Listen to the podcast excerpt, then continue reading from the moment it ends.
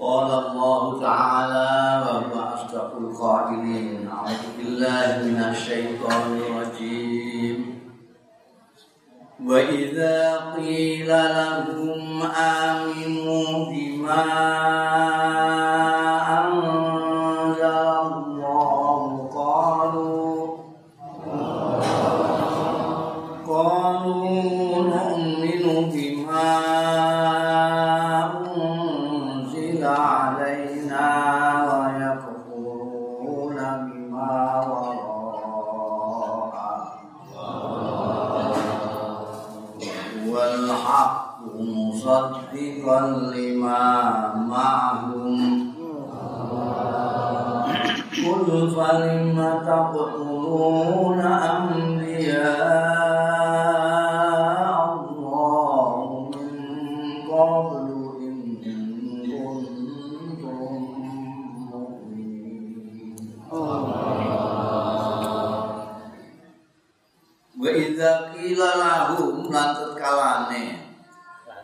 den ucapake lahum marang Bani Israel ngomong Yahudi. Aminu padha imano sira kabeh bima kelawan barang anzalallahu sing wis nurunake sapa Allah ing ma kalu mongko padha jawab ya Bani Israel Nukminu kita iman bima anzala alaina. Lawan barang bima unzila kan barang kang diturunake ya malaina atas kita Waya kuluna lan padha ngukuri ya wong-wong Bani Israel bima lawan barang waro kang ana sing murine manusia bahwa ale utawi sing ning burine kuwi iku al haqqu sing bener. Musaddiqan. Ale benerake lima marang barang mahru kang tetep ing dalem sartane wong-wong Bani Israil Kul dawuh sira Muhammad falima taqtuluna? Mongko kena apa padha mateni sira kabeh anbiya Allah ing nabi-nabine Allah mingkoblu saing sadurunge iki. Ing kuntum lamun ana sira kabeh ana iku mukminina padha iman kabeh. Niki tasih ngrembug wong-wong Bani Israel kelakuane wong-wong Bani Israel, wong-wong Yahudi nalika didhawuhi do iman karo sing diturunake Allah taala maksudipun Al-Qur'an menika jawabane wong-wong Bani Israel niku kita hanya mau iman dengan apa yang diturunkan untuk kita. Maksudnya ya mbake mau percaya karo Taurat, ora percaya karo Injil, ora percaya karo Al-Qur'anul Karim. Ngufuri bima wara'ahu Pokoke sing sakwise Taurat ora percaya kabeh. Dikufuri kabeh. Injil moh, Quran moh percaya. Sing diimani namung Taurat. Jarine ki ambake Padahal baik Injil maupun Al-Qur'anul Karim itu benar-benar juga dari Allah Subhanahu wa taala yo benerake apa sing ning Taurat yang ada bersama mereka. Ndikne muni mau iman karo Taurat. Bima unzila alaina. Anjing Nabi terus didhawuhi nek pancen wong-wong iku percaya karo Taurat meskipun ndak percaya karo Quran tapi percaya karo kitab sing diturunake Nabi Musa kitab Taurat ndikne iman karo kuwi kena apa kok do mateni nabi Nabi Zakaria, Nabi Yahya dipateni. Nabi Isa malah ya ameh dipateni. Malah menurut mereka sudah mati disalib. Apa ana ning Taurat itu perintah mateni wong pemeneh nabi jarene iman. Nah, kelekep gak iso geneman kan. Mergo Al-Qur'an menika marai Kanjeng Nabi Muhammad sallallahu alaihi wasallam carane hujjah argumentasi sing iso dinalar manusa sing waras nek pancen kowe iman karo Taurat kok mateni iman tenan ta ora nek ing kuntum mukminin nek kowe kabeh padha iman temenan karo apa sing diturunkan ning Nabi Musa, sing ning tanganmu sing saiki mbok waca-waca kuwi. Kene apa kowe mat mateni wong? Kula wong salangsul matur sejarah menika paulangan datang kita sedaya. Bab at-tarikh yu'idu nafsahu. Sejarah itu mengulangi dirinya sendiri. mulane ana pengulangan rasul-rasul itu karena ada pengulangan kelakuan-kelakuane wong. Dadi senajan ayat-ayat menika sak derenge lan sak sampune wangke ayat-ayat niku tentang Bani Israel, tentang wong Yahudi.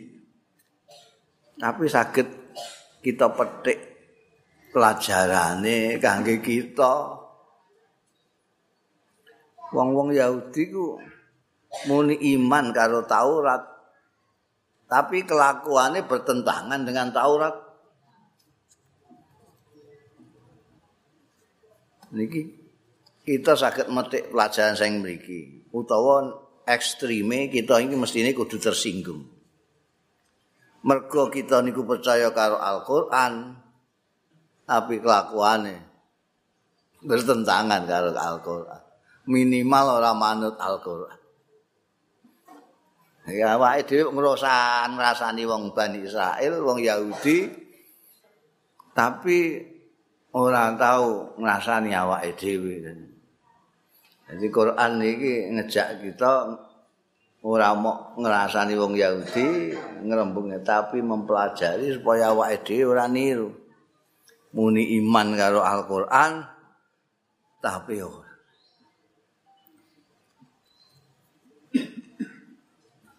Al-Qur'an nglarang wong tukaran kalau dulure kene tukaran kalau dulure. Ngoten niku. Malah paten-paten. Mateni. Nek pancen iman temenan, kena apa? Ngoten niku. Dan iki ora kanggo wong Yahudi terhadap Taurat. sakit kangge awake dhewe terhadap Al-Qur'an. Tuik wong Yahudi ngaku-ngaku iman karo Taurat menika rak cangkem.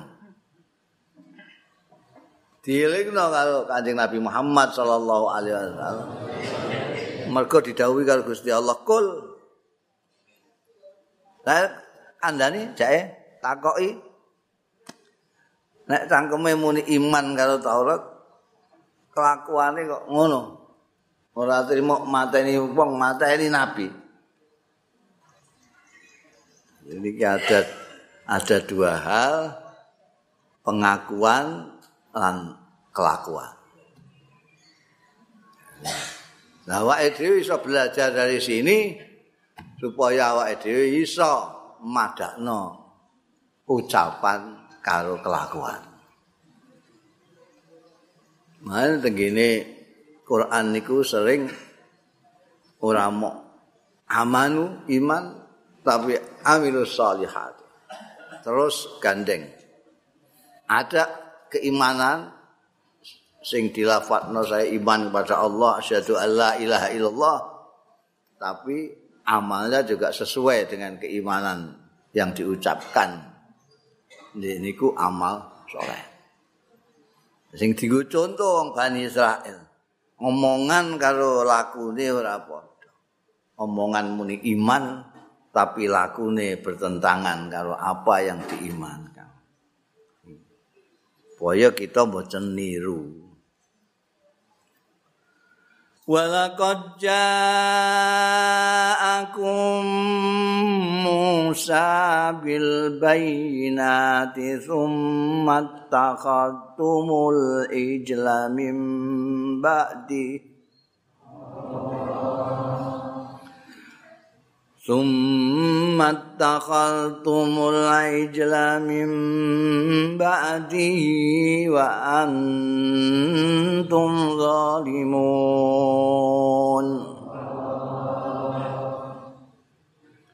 Walakot ja'akum lan yekti teman-teman wis nekani ing sira kabeh sapa Musa, Nabi Musa.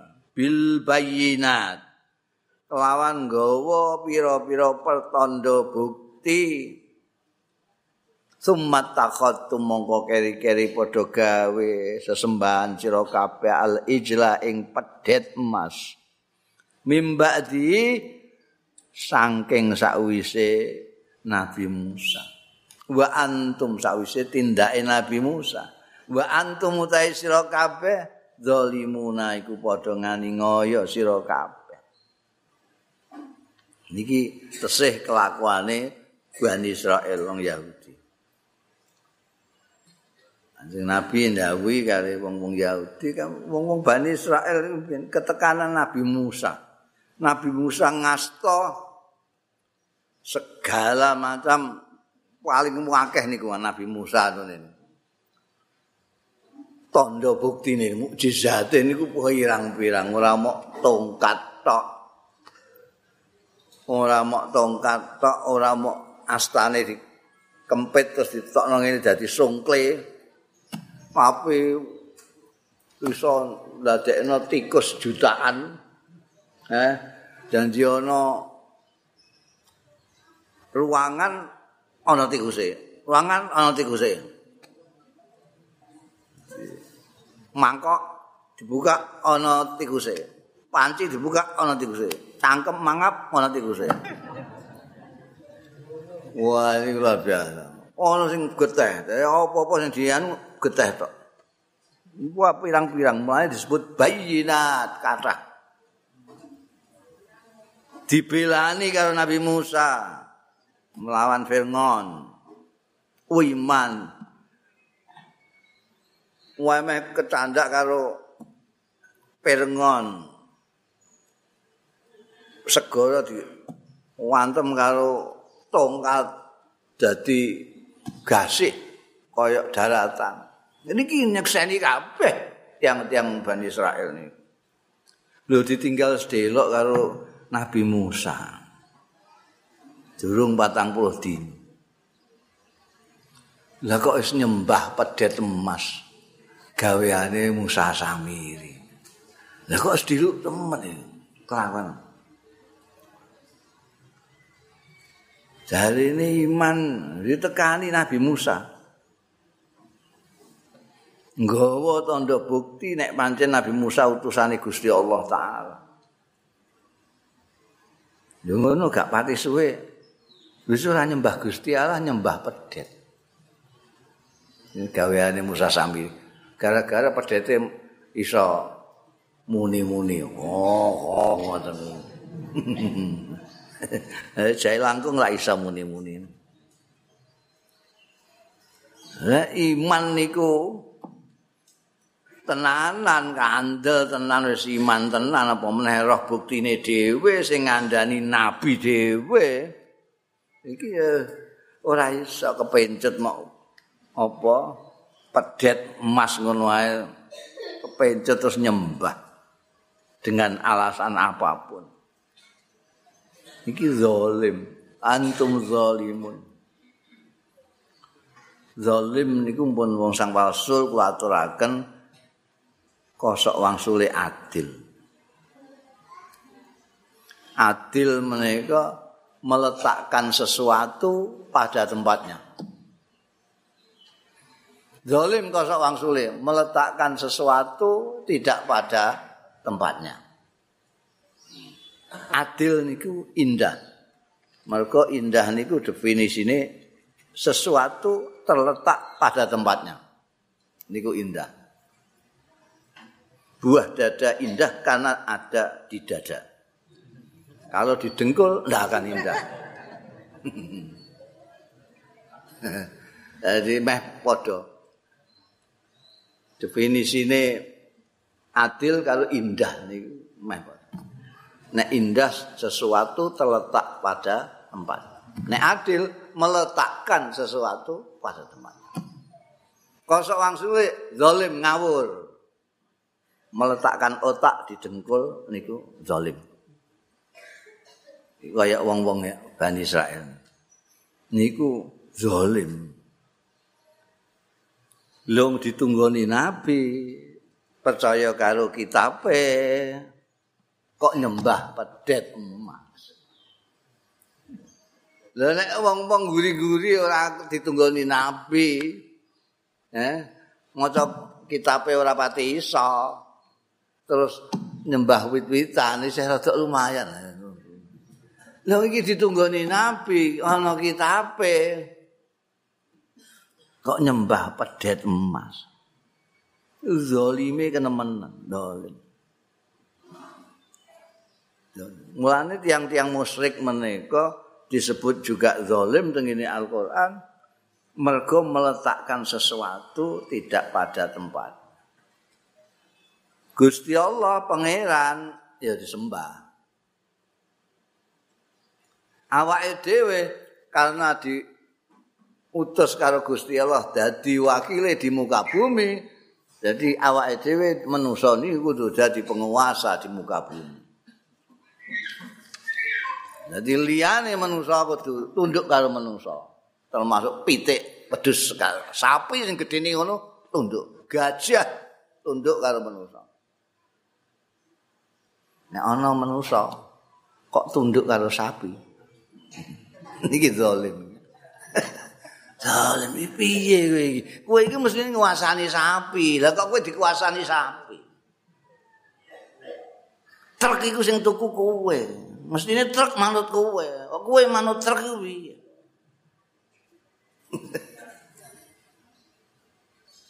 Iki manusia niku zalim mergo niku sing mestine disembah ora disembah. Sing mestine kudu manut dikne malah disembah. Di mana? zalim.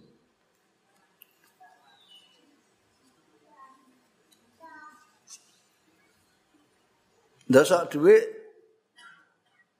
ning gone kekep zalim. Dosa iwak gereh ning lemari pakaian ya zalim. Jadi pokoke sing ora pase niku zalim.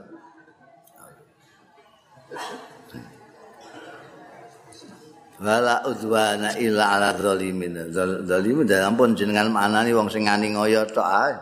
Wong ngani ngoyo niku zalim mergo ki ambake ngawur. Wong dulure kok dikepruk. Wong sirah kok dienggo kepruk-keprukan. Hmm. zalim. Tiang-tiang Bani Israel niku zalim banget. Kaya ngono tuke perhatian Gusti Allah taala diutus Nabi Musa. Ora mau Nabi Musa tok, kalau Nabi Harun. Itu Bani Israel niku top niku. Nabi ini loro. Wes ana kitabe Taurat Nabi ini loro. Nabi Musa kalau Nabi Harun. Nabi Harun nunggoni ki ambake Nabi Musa. Berarti tengene tulisina niku. Untuk mendapatkan ten commandment kenapa? Perintah Gusti Allah niku. Ditinggal niku titik Nabi Musa Nabi Harun. Ditunggoni Nabi. Harun. Lu kok iso nyembah pedet wah tek Nabi Musa muring-muring. Dulure dhewe kangane dhewe cowokel jenggote diontang-anting. Eh piye? Dikon ngono lagi istilah wis piye balik aja ngene aja aku Jenggot kucul nasi aku tak menjawab. Iki didelok wong iku lho aku kangamu kok mbok kenekno. Nabi Musa ngugegeten tenan iku. Gegeten. Jangan ditinggal durung 40 dina. Kok wis balik jengkok nyembah brahala pedet emas. Ngamuk sing diamuk sing nunggoni niki ngono. Kangane kok nunggoni, kok nunggoni kono kok menjarno ae. Ora tak jarno ya wis tak kandhani. Aku gak digubres kok. Dadi napa malih kok sakniki kiai gak digubres karo wong. Wong nabi ae gak digubres. Ah, rasa gawok sampean iki. Sekagetan. La ilaha illallah. Nabi Musa niku nganti anak dibuanting terus lauhin. Sing isine perintah-perintah wangking mangkel ini. Kok gak mangkel ya wong kok ngono. Wis ditunggoni nabi loro kayak kitab. Kok isih sedelok ngono nyembah brahala. Zalim tenan, zalim. Kon ora diterima kasih karo Gusti Allah taala. Wa idza akhadna mitsaqakum wa rafa'na fawqakum tur Khudhu ma atainakum bi quwwatin wasma'u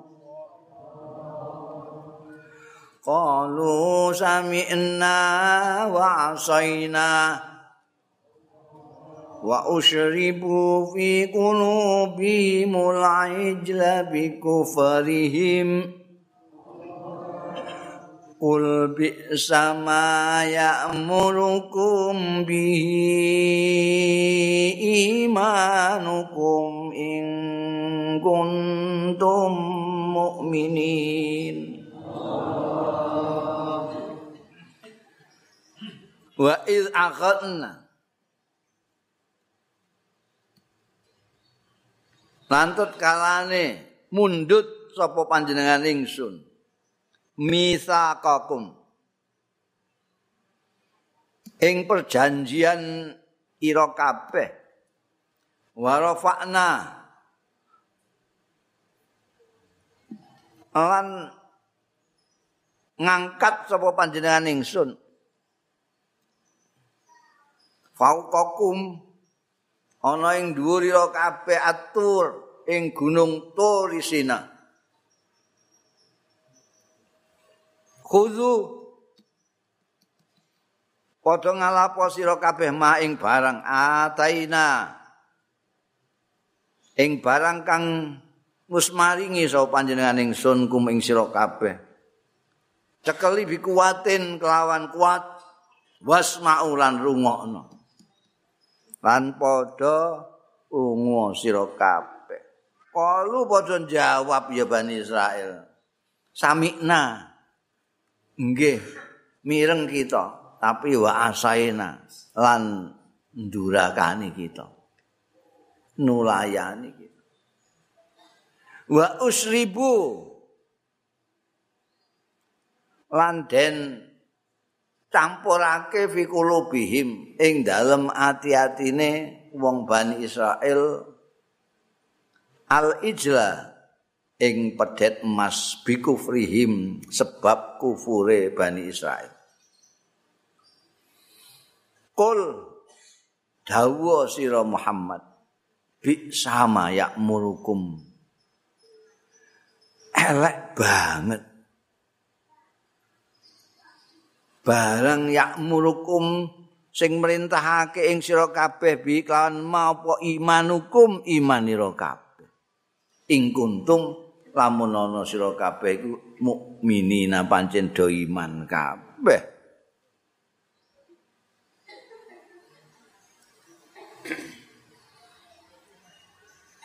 Anjing Nabi Muhammad sallallahu alaihi wasallam ini pun dawuhi ngelingake wong-wong Bani Israel. Wong-wong Yahudi sing nalika niku wonten Madinah niku. kan ngelingake kanjeng Nabi biyen Gusti Allah taala wis nate mundut janji ro kabeh janji niku ora trimo nganggo sak kaya sakniki nganggo Quran ning dhuwur ngoten mawon Quran. Ayah berjanji, nganggo gunung. Oh, malaikat ngerti gak? Berarti ayo nganggo gunung ora trimo diwedan dene karo Quran, karo gunung. Gunung Turisina niku diangkat ning dhuwure. Wes janji tenan arep nyekeli iki Nggih, ireng kula. Kangkeme muni samikna kita mirengake tapi kelakuane muni asaina. Ya awake dhewe niki gadah dua bahasa. Napa niku ana sing cangkem, ana sing laku. Awake dhewe menine nggih mirengake. Tapi sing dipirengake ora digatekke. Sehingga kelakuane ora kaya sing dirungokke. Iki ada dua. Lisanul maqal ambek lisanul hal lisanul maqale muni sami'na. Nggih mireng. Dawuh-dawuh sampun. Kula pirengaken sampun. Tapi ora tumus ning gone lakune. Sepatus saya kali dulur-dulur kok. Nggih nggih mireng kula. Sepatus saya kali dulur nggih. Nguling nggih mireng pe dawuh supaya apik kalau dulur to apik gelut terus mbek guru niki kelakuane karo omongane gak cocok blas. Niki wong Yahudi lho, mboten awake dhewe. Niki sing di, sing dibakas wong Bani Israel. Ini kok awake dhewe ngoten nggih, memper ngono mawon.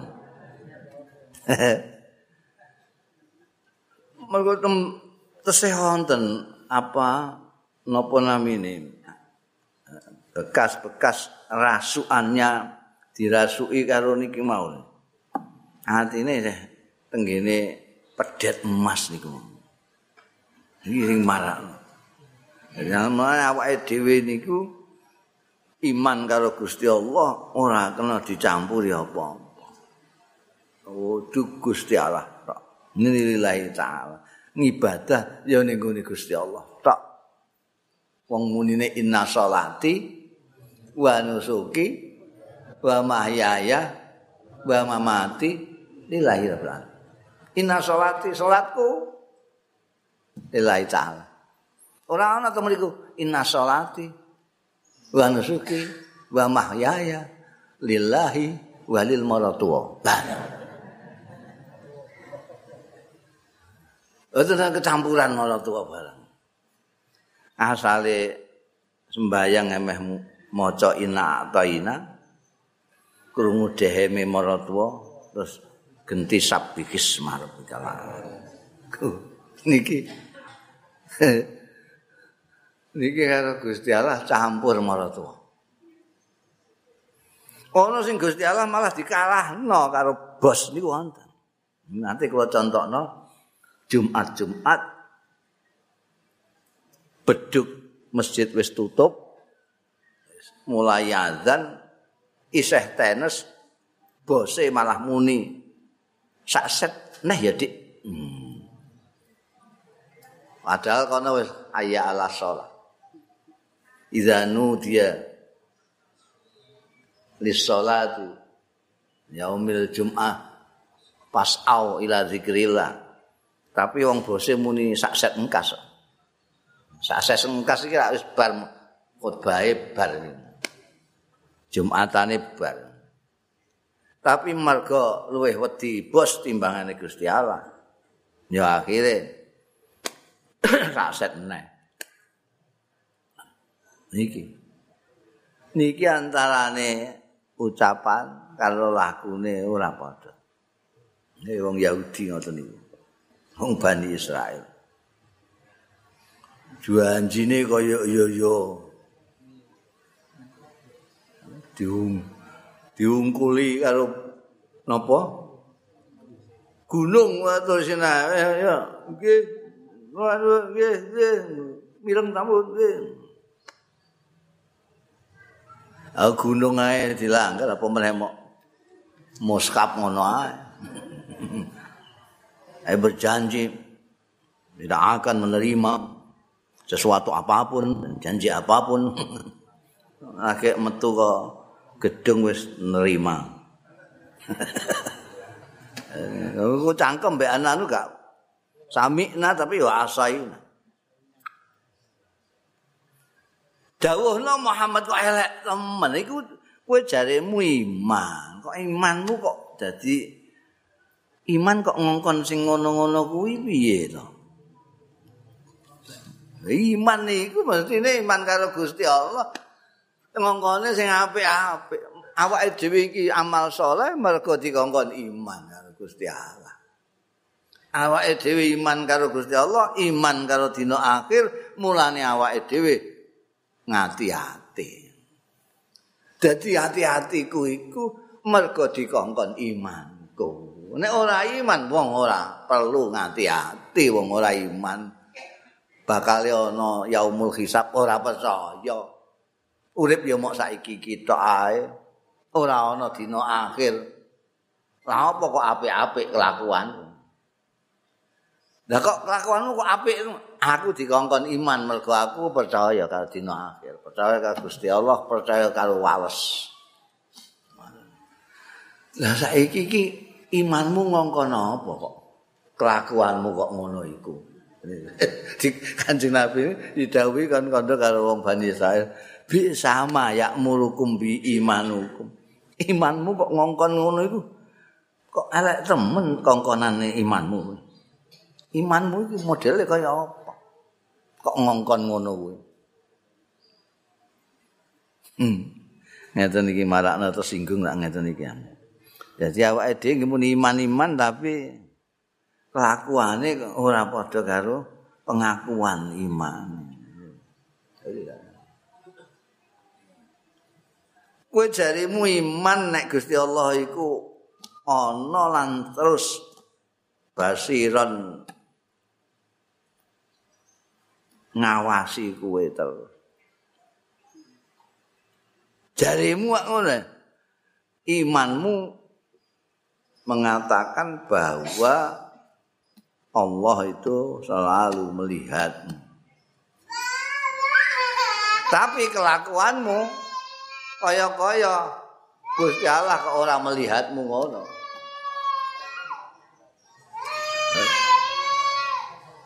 Buktine kowe nek dhewean beda karo kowe nek karo wong akeh. Nah iki beda antarane kelakuan kita nalika dhewean karo nalika kumpul wong.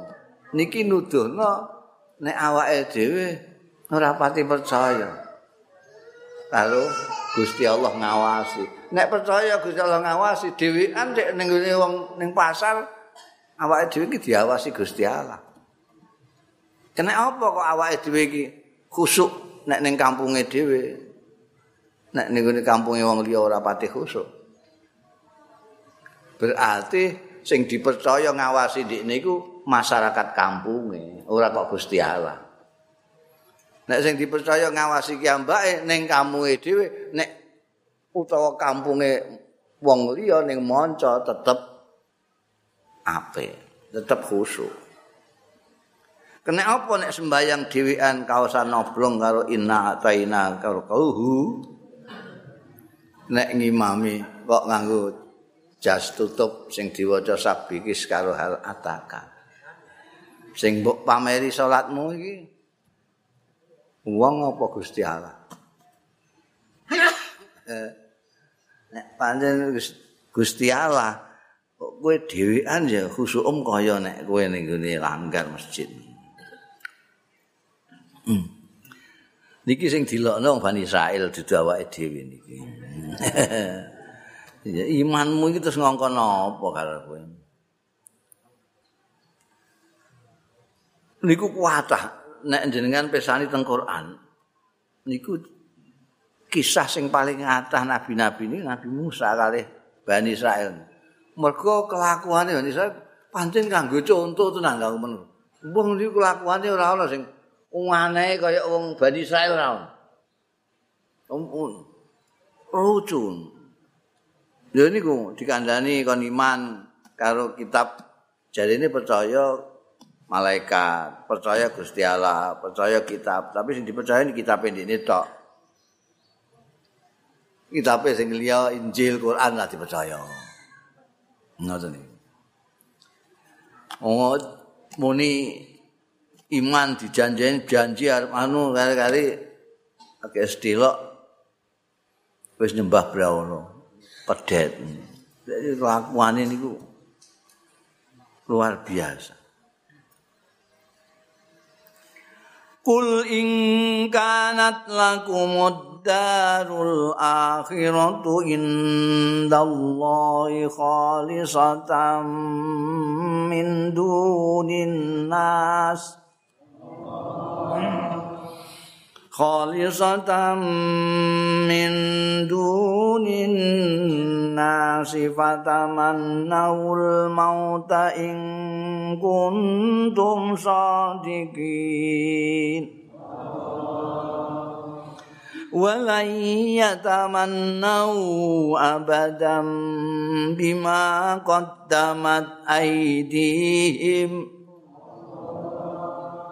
wallahu alimun bizzalimin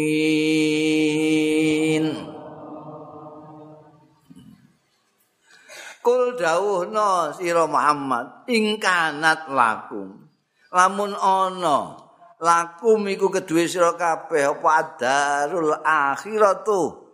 Apa perkampungan akhirat indallahi ana ngarsane Gusti Allah khalisatan hale murni. Mulus min dunin nasi saking sakliyane manusa. Fataman nau. Mongko arep-arep sira? Jaid ngarep-ngarep sira al mauta ing pati? Ing kuntum lamun ana sira kabeh sadikina iku bener sira kabeh. Lan niataman nau. Ora bakal ngarep-ngarep ya wong-wong Bani Israel hu ing mati abadan selawase. Bima qaddamat sebab oleh nglakoni apa aidihim pira-pira tangane Bani Israel. Wallahu ta'ala Gusti Allah iku alimun bidzalimin. Perso banget bizalimina kelawan wong-wong sing zalim sing nganingoyo. Tiang-tiang Bani Israel niku do muni-muni nek swarga engko akhirat ku. Pokoke engko ning gone akhirat kono iku ning ngasane Gusti Allah ki ambake tok mangke sing ning swarga iku tok. Khalisatan iku wis ora ana liya. Ah kabeh sesat semua. Sesat semua. Pengikut Nabi Isa sesat, pengikut Nabi Muhammad sesat. Yang tidak sesat mereka sendiri. Jadi engko iku ning swarga ndek tok. Niku wong Bani Israil. Saiki nek ana sing ngono ya niru Bani Israil.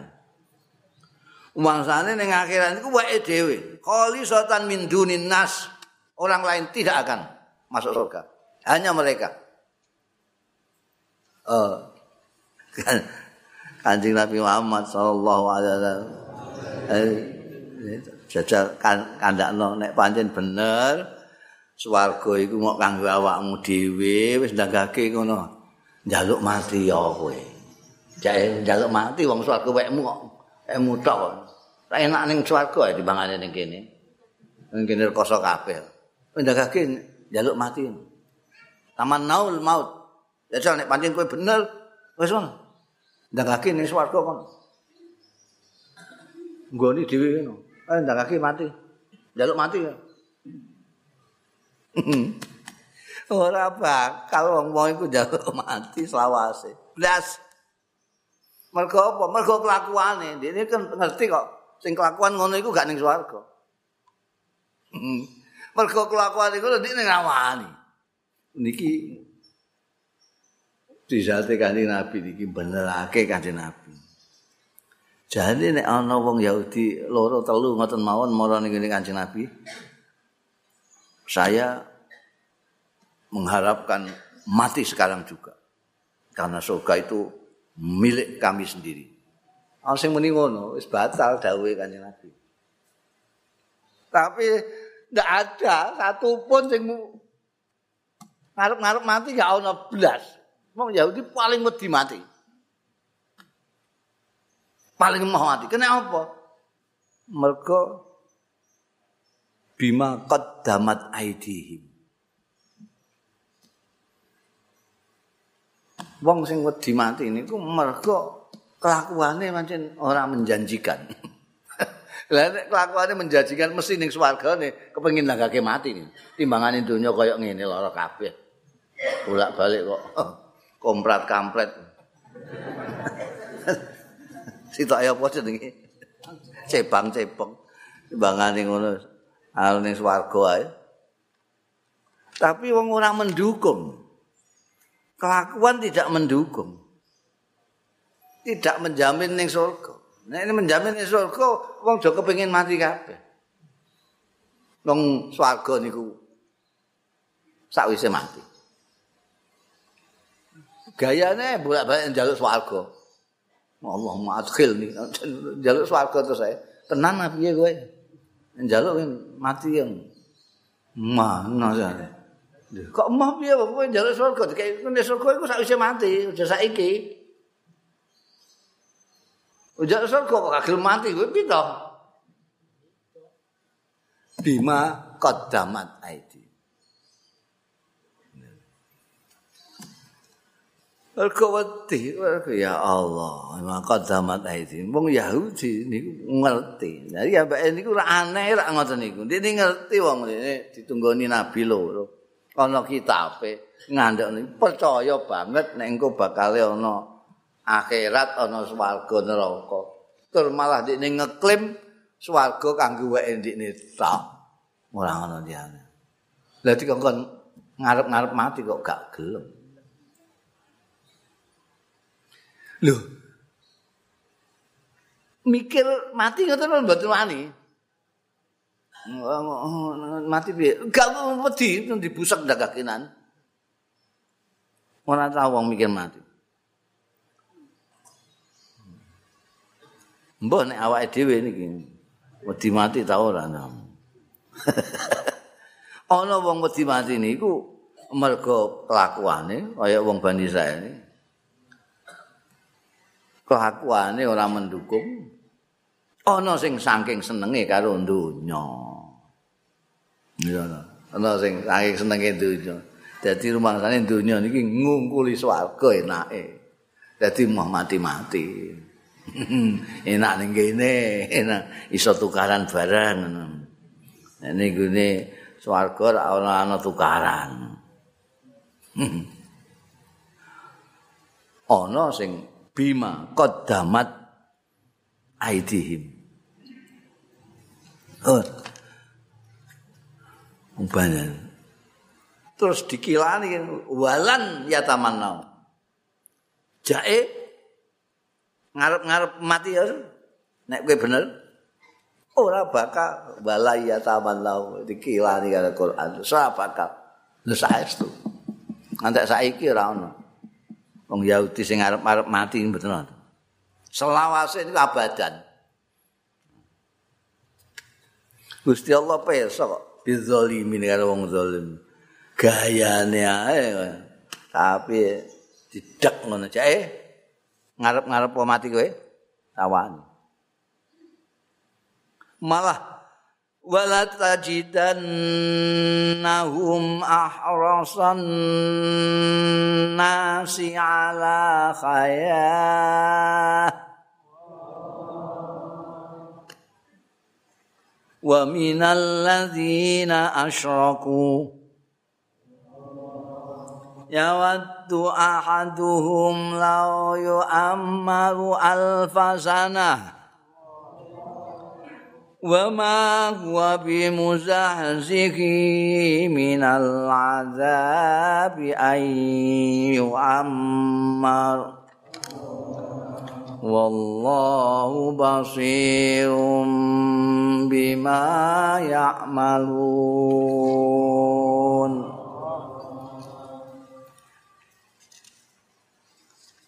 Wala tajidan lan bakal nemu sira Muhammad.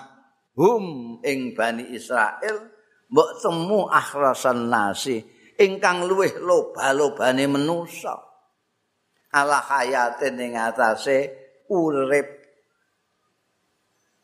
Wa minat ladzina asraku bahkan luweh loba tinimbang wong-wong sing padha nyekutokake wong-wong musyrik. Ngantek ya wadu kepengin sapa ahaduhum salah sijine bani Israel lau yu ammar lamun den paring umur alfa sanatin ing sewu tahun wa mahum lan ora utawi ahaduhum bimuzahzihi iku bisa ngedohake nyingkiri ahadu minal azabi saking siksa apa ayu amara yen to diparingi umur dawa. Dipanjangake umure. Wallahu ta'ala Gusti Allah. Iku basirun mirsani bima kelawan barang yak maluna sing padha gawe padha ngamal ya wong-wong Bani Israel. Hmm. Kongkon mengharap-harapkan mati. Ah, surah bakal. Malah awakmu Muhammad. Kamu lihat di, mereka itu justru paling lobo-lobaning manusa terhadap kehidupan. Paling seneng urip iku wong ya, wong Yahudi, wong Bani Israel. wong liyane iku ya ya ya seneng ah urip iku. Tapi ora ana sing ngungkuli Bani Israel lobane terhadap urip Ngantek karo wong musyrik dhewe, wong musyrik itu dhewe iku isih kalah ambekan wong-wong Bani Israel dalam hal seneng urip. Meneng urip Bani Israel. malah ana sing kepengin urip seribu tahun lagi ya. Kayak saja ya Khairul Anwar, aku ingin hidup seribu tahun lagi. Pengen urip seribu tahun lagi. Rumang sana nek urip seribu tahun lagi, iku seksa iso nyingkir karpe dewi. Ora iso.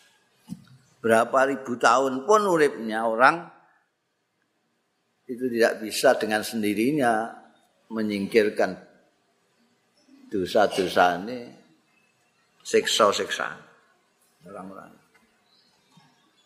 Sing iso menyingkirkan itu ya tobat ora duraka ning Gusti Allah.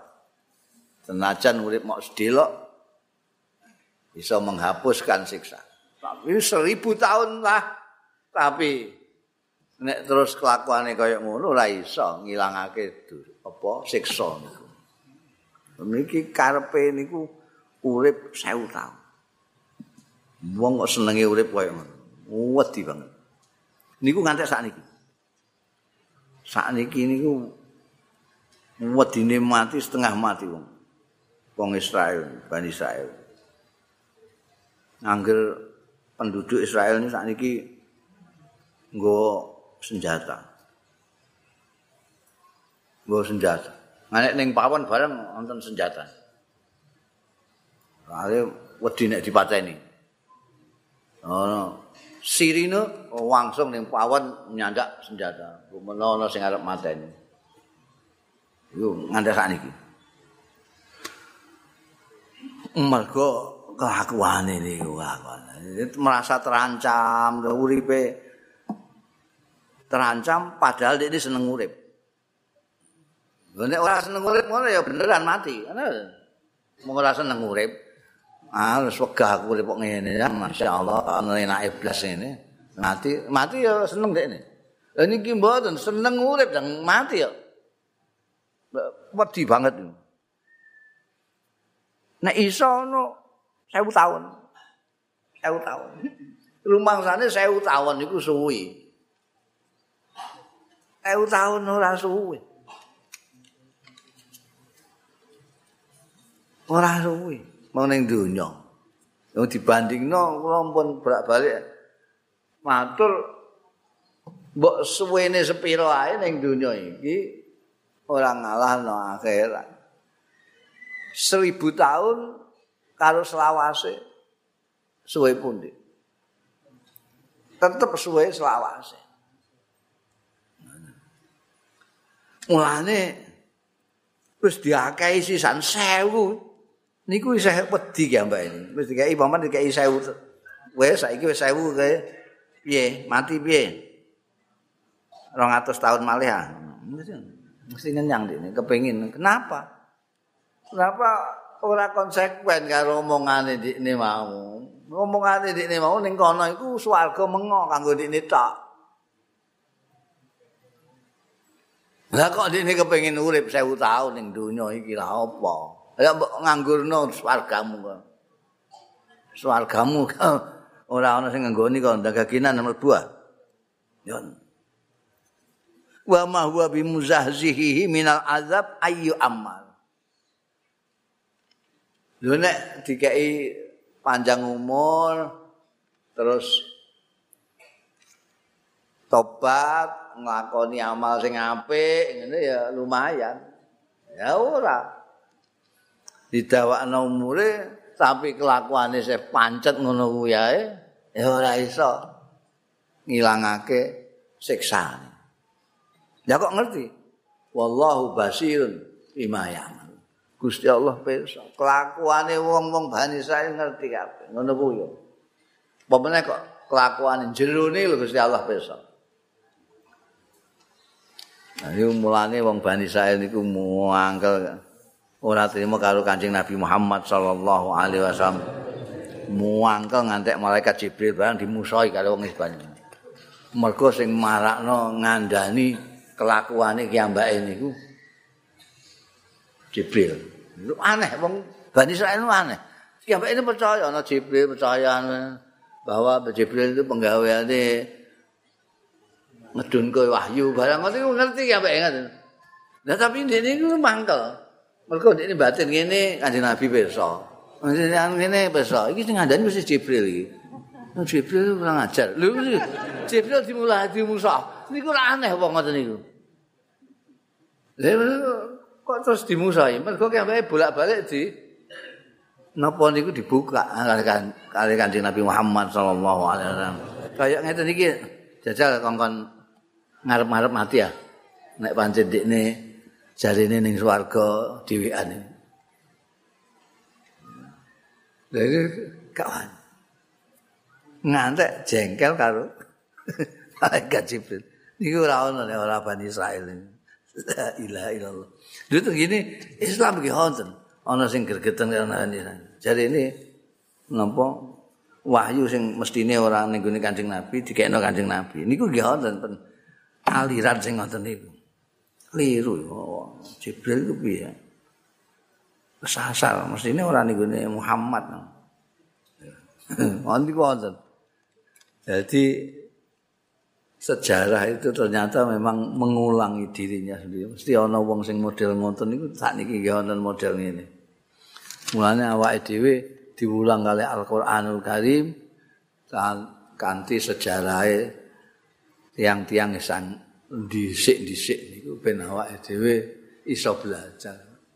Nek sing kira-kira nyelakakan kira-kira ndadekna rusak awak aja dilakoni sing kepenak dilakoni niku kaya ndelok gambare umat-umat niku. Nah, niki kepenake awake dhewe jane dadi umat akhir zaman. Nabi ne nabi paling akhir dadi iso belajar pirang-pirang. Nek gelem belajar. niku soalnya ini gelem tau ora belajar niku. Ngene. Ah dikandani ngene rumangsane ya dijak ngrasani. Dijak belajar tentang kaum Bani Israel rumangsane mau dijak ngrasani Bani Israel. Oh, awake dhewe dijak belajar aja ngantek kaya Bani Israel. Kul mangkana aduwan di Jibril Allahu a'lam